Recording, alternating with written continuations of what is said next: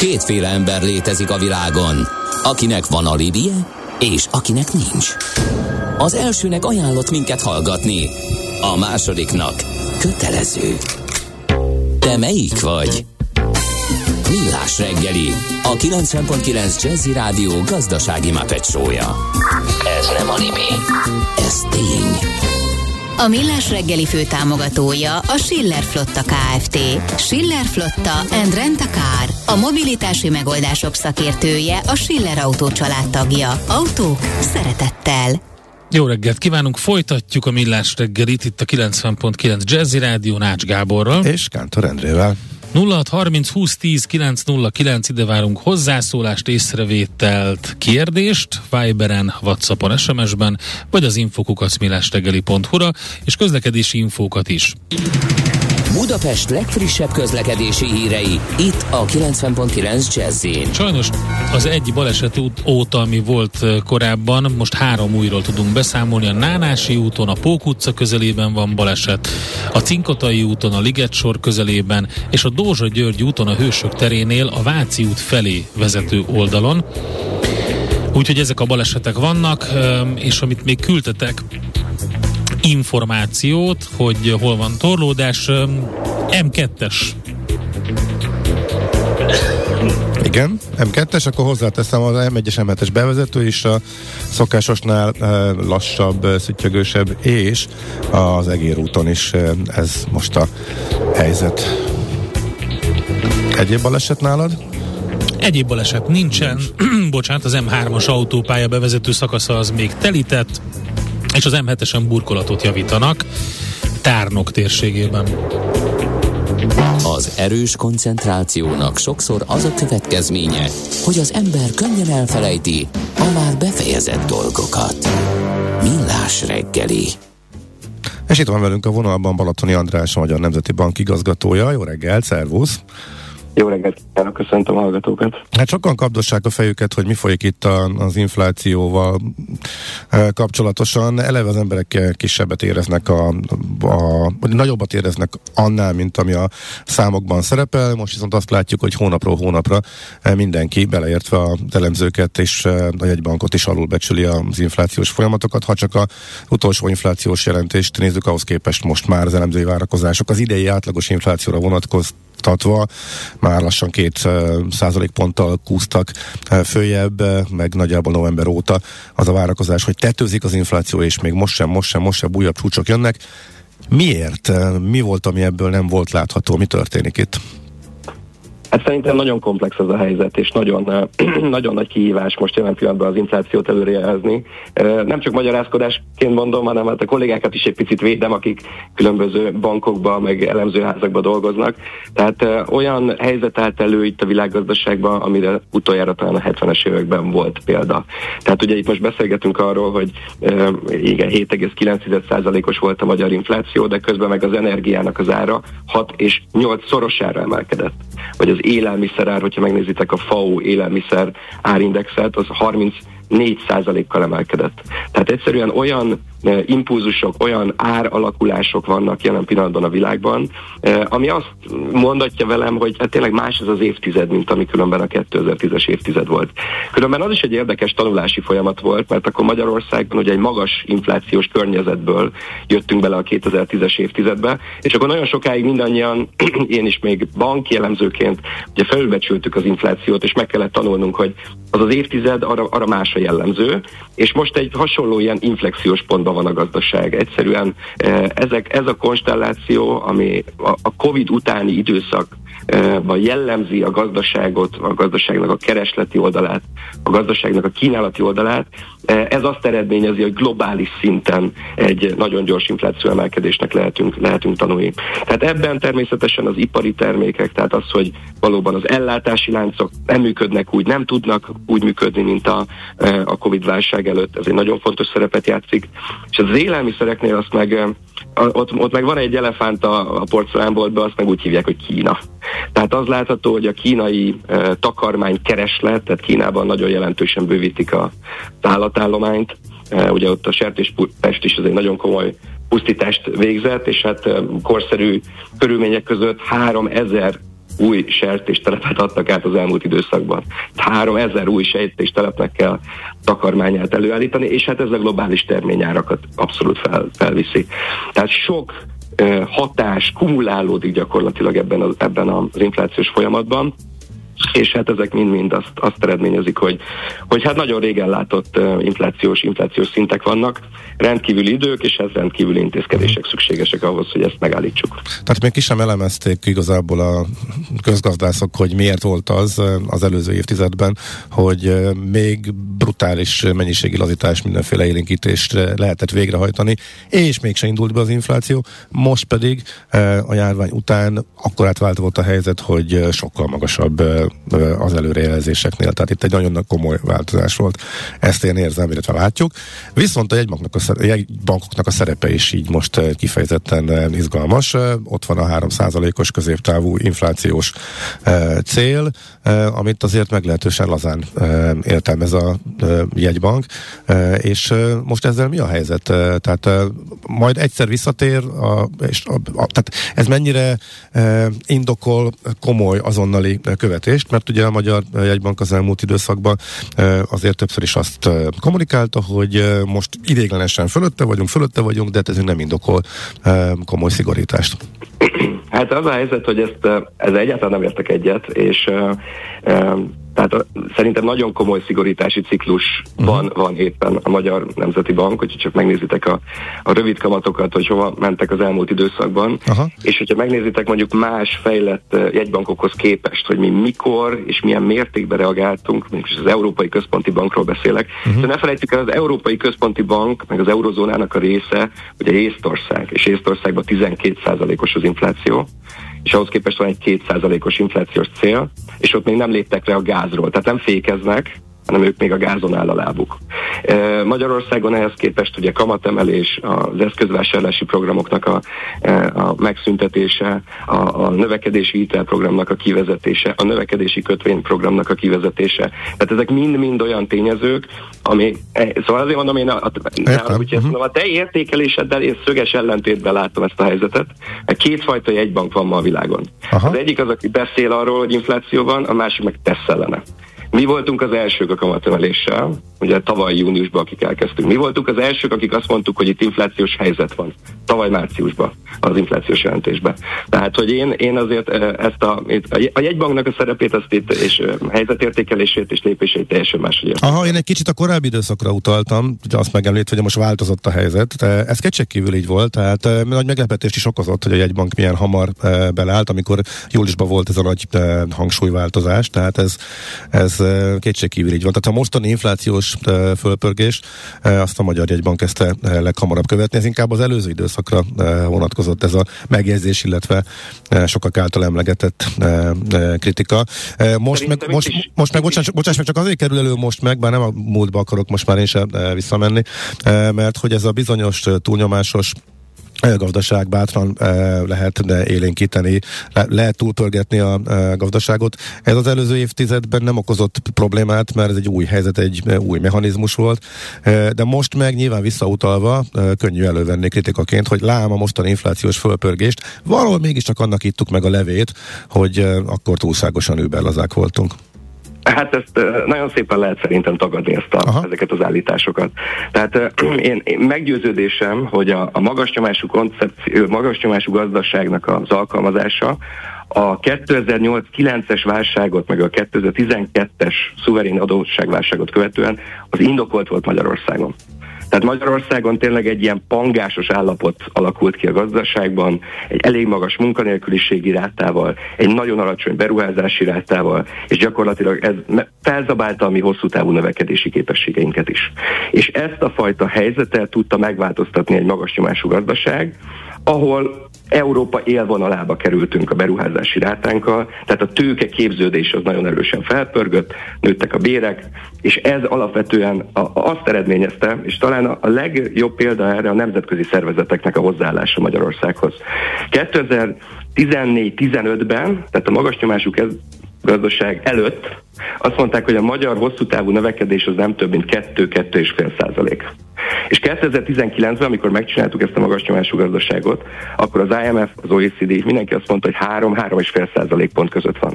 Tehát egy százalékpontot ez a, ez a gondolkodás és ez a, ez a rendszer, ez hozzáadott a magyar gazdasági hosszú távú növekedéséhez, ezt az IMF mondja meg az OECD, nem én, e, és ezért úgy gondolom, hogy ez egy nagyon-nagyon hasznos e, időszak volt, és akkor használtuk a magas nyomású gazdaság eszközét, amikor kellett. Uh-huh. És most pontosan látjuk, hogy most ezt nem szabad használni. És azért nem szabad használni, mert igen, nagyon gyors a gazdaságnak a helyreállása. Ugye alapvetően másfél év alatt ledolgoztuk a, az elég komoly recessziót, ugye 2020-as nagyon komoly recessziót, másfél év alatt kijöttünk belőle, az előző válságból meg hat és fél év alatt jöttünk ki.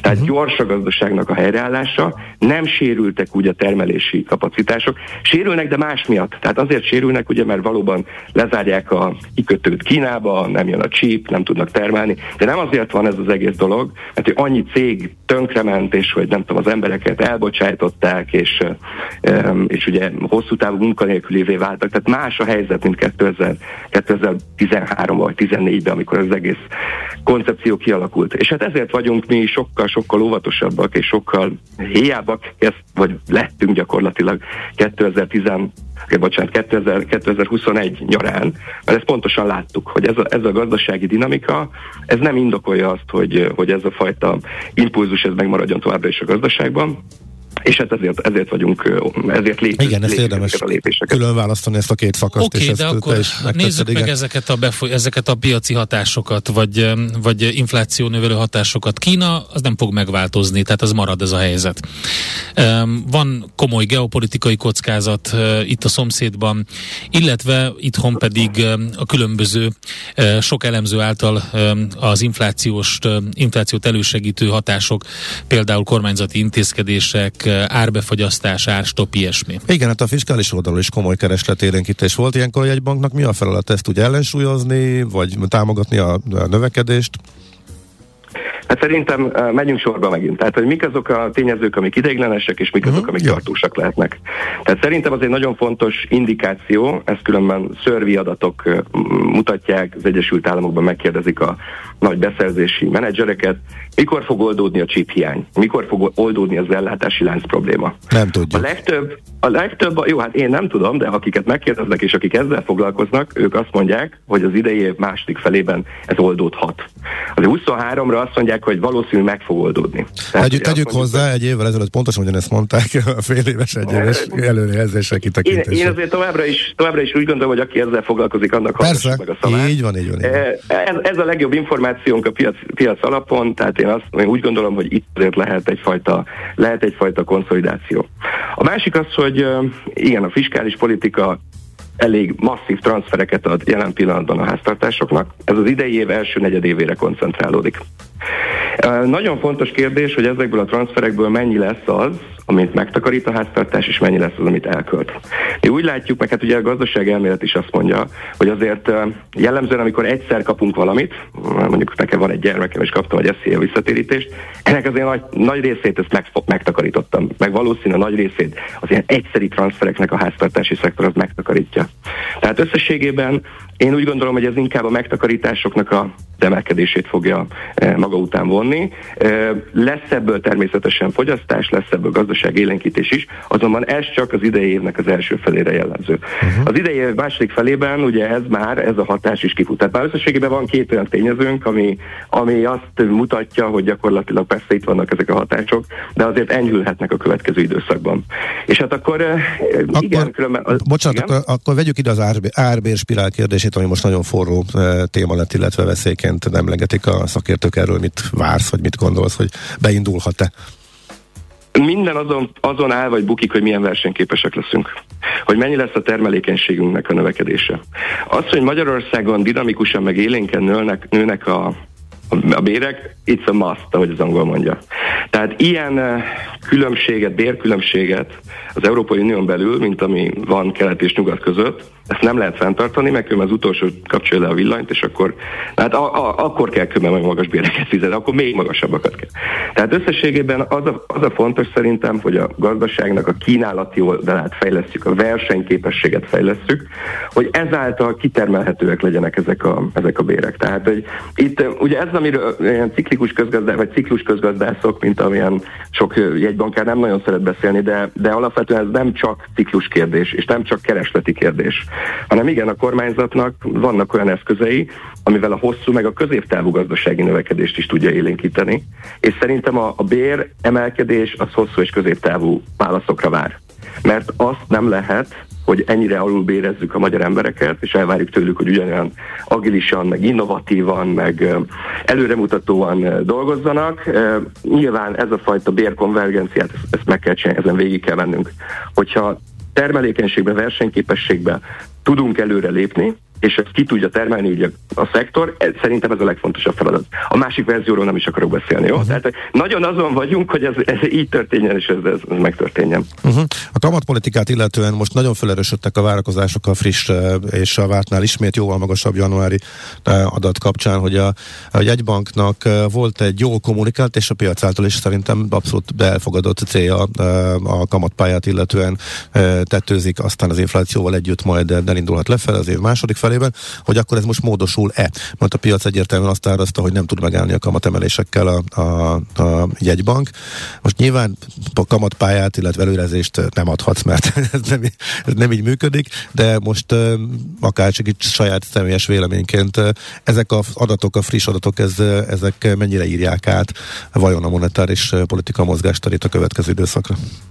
Hát valóban nem, nem, nem, nem vagyok döntéshozó, nem is beszélhetek a, a, az ő nevükben. Hát Virág Barnabásol elnök úrnak volt egy sajtótájékoztatója, ugye a tavalyi év végén, és akkor azt mondta, hogy az idei év elejé átárazások azok nagyon erősen meghatározzák, hogy milyen inflációs környezetben vagyunk, illetve hogy hogyan alakulnak az inflációs, inflációs alapvető dinamikák. Tehát az látható, hogy ez az év elejé átárazások, ezek brutálisan erősek lettek, tehát és akkor nagyon finoman fejeztem ki magam. Tehát ugye az elmúlt éveknek az átlagának a háromszorosa bejött januári inflációba. E, hogyha az üzemanyag árakat nem, nem számoljuk már, az elég ilyen technikai jellegű. Tehát eh, az látszik, hogy, hogy igen, az a januári adat ez, ez, ez kemény volt, ez, hogy most egyszeri, ideiglenes vagy, vagy tartós hatás, természetesen ezt folyamatosan vizsgáljuk, ez az értékelés, ez, ez tart, és márciusban e, jön a coming out, hogy amikor majd elmondjuk, hogy na, mi nagyjából ezt hogyan, e, hogyan látjuk, meg mint, mint képzeljük el, e, de összességében hát azt bátran tudom mondani, hogy hát az inflációs kockázatok, a felfelé irányuló inflációs kockázatok azok jelentősen emelkedtek, és akkor azt hiszem, hogy ez a legtöbb, amit a kérdésben mondhatok. Uh-huh. Oké. Okay. Hát jó, András, nagyon szépen köszönjük, hogy átbeszélhettük ezt, tisztában látunk ismét, és hát talán jobban is értjük a nehézségét is annak a helyzetnek, amit az jelent, hogy az inflációt előre jelezzük, mert hogy igen, ilyen, ilyen helyzetben e, még nem volt a világ, tehát erre, hogy egy e, világjárvány utáni e, kilábalásban érkező egymással sokszor ellentétes hatásokból kell leszűrni, ennek nem volt igazából előzménye, és teljesen máshogy működnek a dolgok, akár mint az előző néhány évben is. Sok sikert akkor a munkátokhoz, és akkor remélem beszélünk még erről hamarosan. Nagyon szépen köszönöm, szervusztok! Szép napot, szia, szia! Balatoni Andrással beszélgettünk tehát, eh, a Nemzeti Bank igazgatójával, az infláció megfékezésének eh, lehetősége erről, illetve hogy akkor hogyan látja a jegybank a mostani helyzetet annak fényében, hogy eh, újra fölfelé tolódtak az inflációs várakozások a januári durván elszállt adat miatt. Aranyköpés a millás reggeliben. Mindenre van egy idézetünk. Ez megspórolja az eredeti gondolatokat. De nem mind arany, ami fényli. Lehet kedvező körülmények közt gyémánt is. Nádasdi Ádám 1947-ben született ezen a napon, ugye nyelvész, költő, műfordító és egyetemi tanár, rádiós műsorvezető és nem tudom, glossaíró még, lehetne fokozni, elképesztő jó hozzáállása van a nyelv, nyelvészet hát könny, könny, könnyű megérthetés, megértéséhez, elterjesztéséhez, népszerűsítéséhez.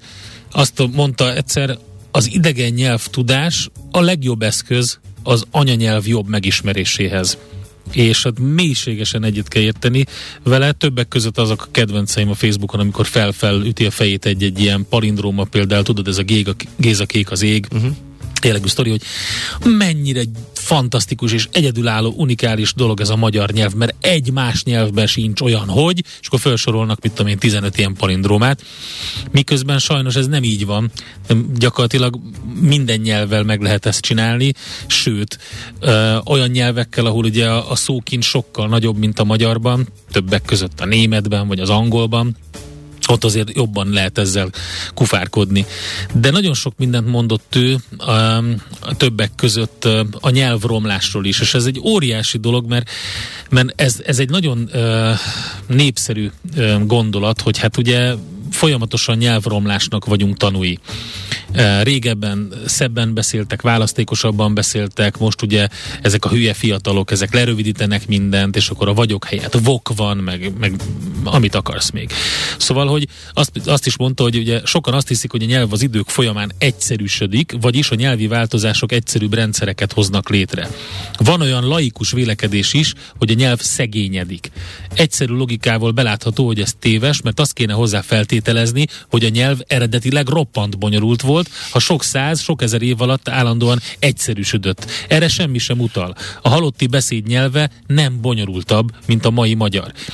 És nagyon sokat beszélt egyébként erről, és többek között beszélt a Ja, és azt is mondta, hogy a nyelvekben legalábbis az elmúlt 6000 évben, amiről adataink vannak, vagy amióta adataink vannak, nincs fejlődés vagy hanyatlás, nincs nyelvromlás vagy nyelvjavulás. Többek között erről a másik érdekes gondolatkör, amiről sokat beszélt, az a az a például a finugor nyelvrokonság, és nagyon sok érdekes dolgot mondott arról is. Ő azt mondta, hogy többek között, hogy hát, hogy igazából a nyelvész szakértőknek a véleményére kell figyelni, és, el, és, és meghallgatni, hogy ők mit mondanak. ők nekik ez a szakterületük, és ezzel foglalkoznak.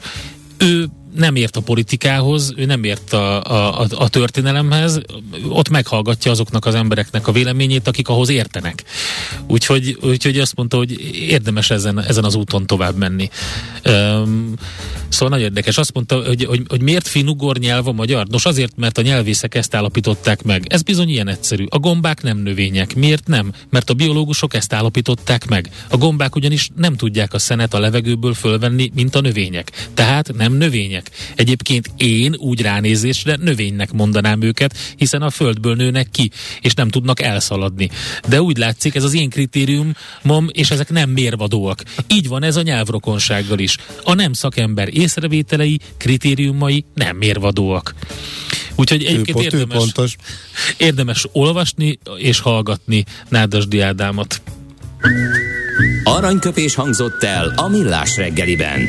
Ne feledd, tanulni ezüst, megjegyezni arany. Egy pár észrevétel a kedves hallgatóktól, aztán megyünk tovább, mert hogy logisztikai rovatunkban is egy izgalmas témánk van. Itt az elektromos konténeres áruszállítás e-kamionnal erősít a Métrans. Erről fogunk majd beszélgetni a kereskedelmi igazgatóval, Zahalka Attilával. 0 30 20 10 909 ide írtak a hallgatóink többek között például. Hú, hát volt, aki azt írta, nagyon elegánsan kommunikál az MNB, volt, aki Igen. azt írta, hogy valóban nehéz helyzetben vannak, és és, de azért fölteszik többen is a kérdést, hogy nem tűtött, hát amit mi is föltettünk, de hogy nem fűtötték-e túl Igen. korábban a, a gazdaságot. Ez az MNB szakértő meglepően szimpatikus volt, elhallgattam volna még egy darabig, írja egy általában nagyon kritikus hallgató is, aztán... Hát ugye Balaton a... egy erős kereskedelmi szférából érkezett szakértő, mi annak idején is beszélgettünk vele nagyon sokat. Igen, igen, igen. Uh, a Lunatics a hallgató szerint már nem special szám, hanem abból alakult Funball Free. Dala. Nem. A Specials-nek volt egy visszatérő lemeze. Azon volt, amin, nem? amin Nekem volt többek között, ez 2019-es album volt. Lehet, hogy azóta játszák, de ez egy, ez egy sőt, mi több, sőt, mi több, a Specialsnek megjelent egy, egy ilyen mozgalmi dalokat felvonultató albuma is, még Specials néven, ez pedig szerintem 2021-ben jelent meg, de itt nem minden új, hanem régebbi számokat szedtek össze egy ö, válogatáshoz. Uh-huh. Még kettő um, vélemény a jegybanki beszélgetéshez, vagy egybankos. A beruházási ráták növekedésének viszont az egyharmad állami pénzköltésből volt, ami adósságból történt, tehát ezt is érdemes uh, figyelembe venni, illetve nem kötözködésképpen mondom, uh, de szerintem az adó visszatérítése legkisebb arányban lesz megtakarítás. Igen, sok család tönköd be a lyukakat abból a pénzből. Uh, sokan már, amikor bejelentették, tudták, hogy mire kell majd elkölteni. Igen, ez egy érdekes kérdés lesz, ezt látni fogjuk. Ugye itt van egy egyértelmű egy banki várakozás, ez majd ki fog derülni, hogy akkor kinek lesz igaza. Most érkeznek vissza ezen, a héten a nagy SZIA visszatérítések, de az, hogy itt sok egyszeri hatás van az év elején, ezzel azért nagy, nagyjából egyetért mindenki a piaci szakértők között is, és továbbra is az a várakozás, hogy az év második fele az lefelé fog menni, csak a csúcs lesz bizonyosan nagyobb, mint amit az év elején vártak, ezt már tudjuk. Ezt a zenét a Millás reggeli saját zenei válogatásából játszottuk. Innen oda, ezt ennyiért. Onnan ide, azt annyiért. Majd innen oda ezt, és vissza azt. Emennyiért közben bemegyünk oda azokért, és átvisszük amoda. amennyiért. Mindezt logikusan, hatékonyan, érted? Érted? Ha nem, segítünk. Észjáték. A Millás reggeli logisztika rovata. Úgy tűnik, hogy itt az elektromos konténerszállítás, konténeres áruszállítás e-kamionnal erősített a Metrans, és itt van velünk a Metrans Kft. kereskedelmi igazgatója Zahalka Attila részletekkel. Jó reggelt kívánunk! Jó reggelt kívánok, és üdvözlöm a tisztelt hallgatókat is. Beszéljünk erről az első elektromos meghajtású kamionról. Hol működik ez? Konténerszállító Igen, kamion. konténerszállító kamion. Mi ez egyébként? Igen, mit kell róla tudni, és hogy hol állt üzembe? Igen, ez a ö, konténerszállító kamion a Metrans ö, termináljáról ö, gördült ki először, és ezt ö, partnerünk a Win Capital ö, Kft. állította üzembe. A prototípus egy DAF ö, XF Superspace Cup típusú jármű, amely átalakításra került. Az, átak, az átalakítás lényegében új elektromotorral, akupakokkal együtt mindössze 130 kilométeren növelte meg a jármű saját tömegét. Ezt, hogy lefordítsam egy kicsit magyarra, az e-kamion össztömege gyakorlatilag nem változott, tehát gyakorlatilag ugyanazt a szállítási teljesítményt nyújtja, mint belső égésű motorral szerelt gyári állapotában.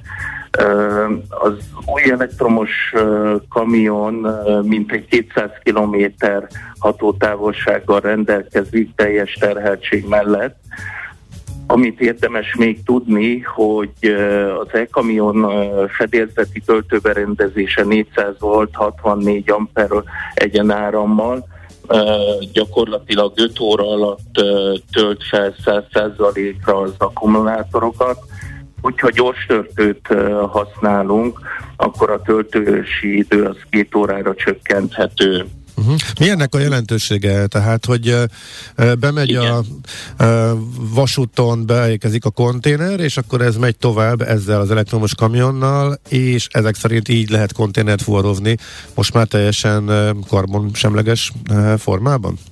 Gyakorlatilag erről, erről szól a történet. Aha, Így tehát, van, tehát addig, amíg pontosan. villamosított vasútvonal érkezik, és elektromos kamionra kerül, Pont. akkor ezt így, ugye? Pontosan. Tehát uh, itt azt tudni kell, hogy a Metransnak mindig is uh, stratégiai célja volt a teljes karbonsemlegessége uh, mellett a konténeres áruszállítás, és uh, a széndiokszid nélküli uh, teljes mértékben klímabarát áruszállítás, és ugye itt vasúton érkeznek ezek a konténerek, Ugye vállalatunk a legmodernebb energiatakarékos elektromos és hibrid mozdonyokkal rendelkezik, konténertermináljainkon korszerű elektromos konténertarukat használunk, ami éppen teljes mértékben beleillett ez, a, ez az új fejlesztést, amivel megkeresett minket körülbelül egy éve a Wing Capital,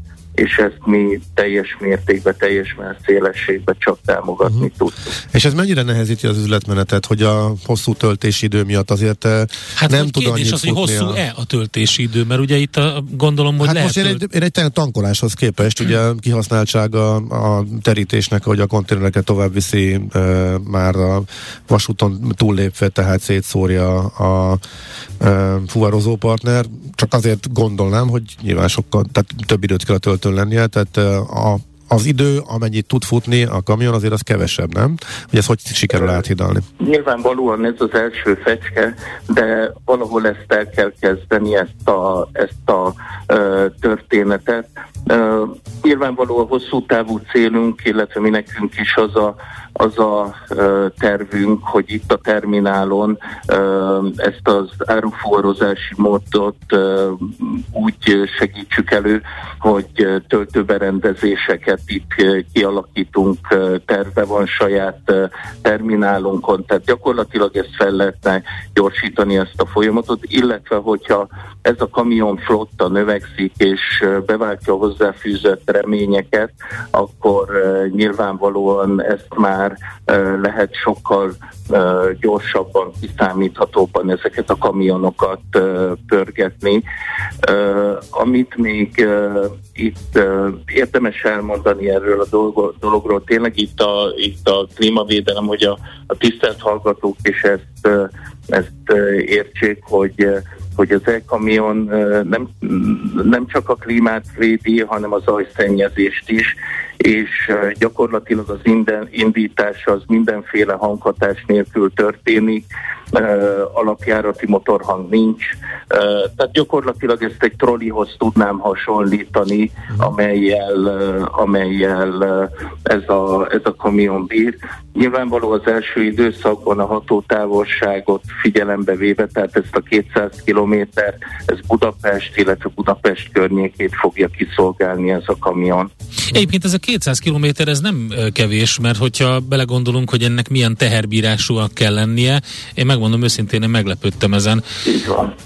Uh-huh. Így van, ez, ez így van, és azért azt hozzáteszem, hogyha mondjuk nem egy uh, 24 tonnás áruval van megrakva, konténerrel van megrakva ez a ez az áruszállító kamion, akkor még nagyobb hatótávolságú is lehet. Uh-huh.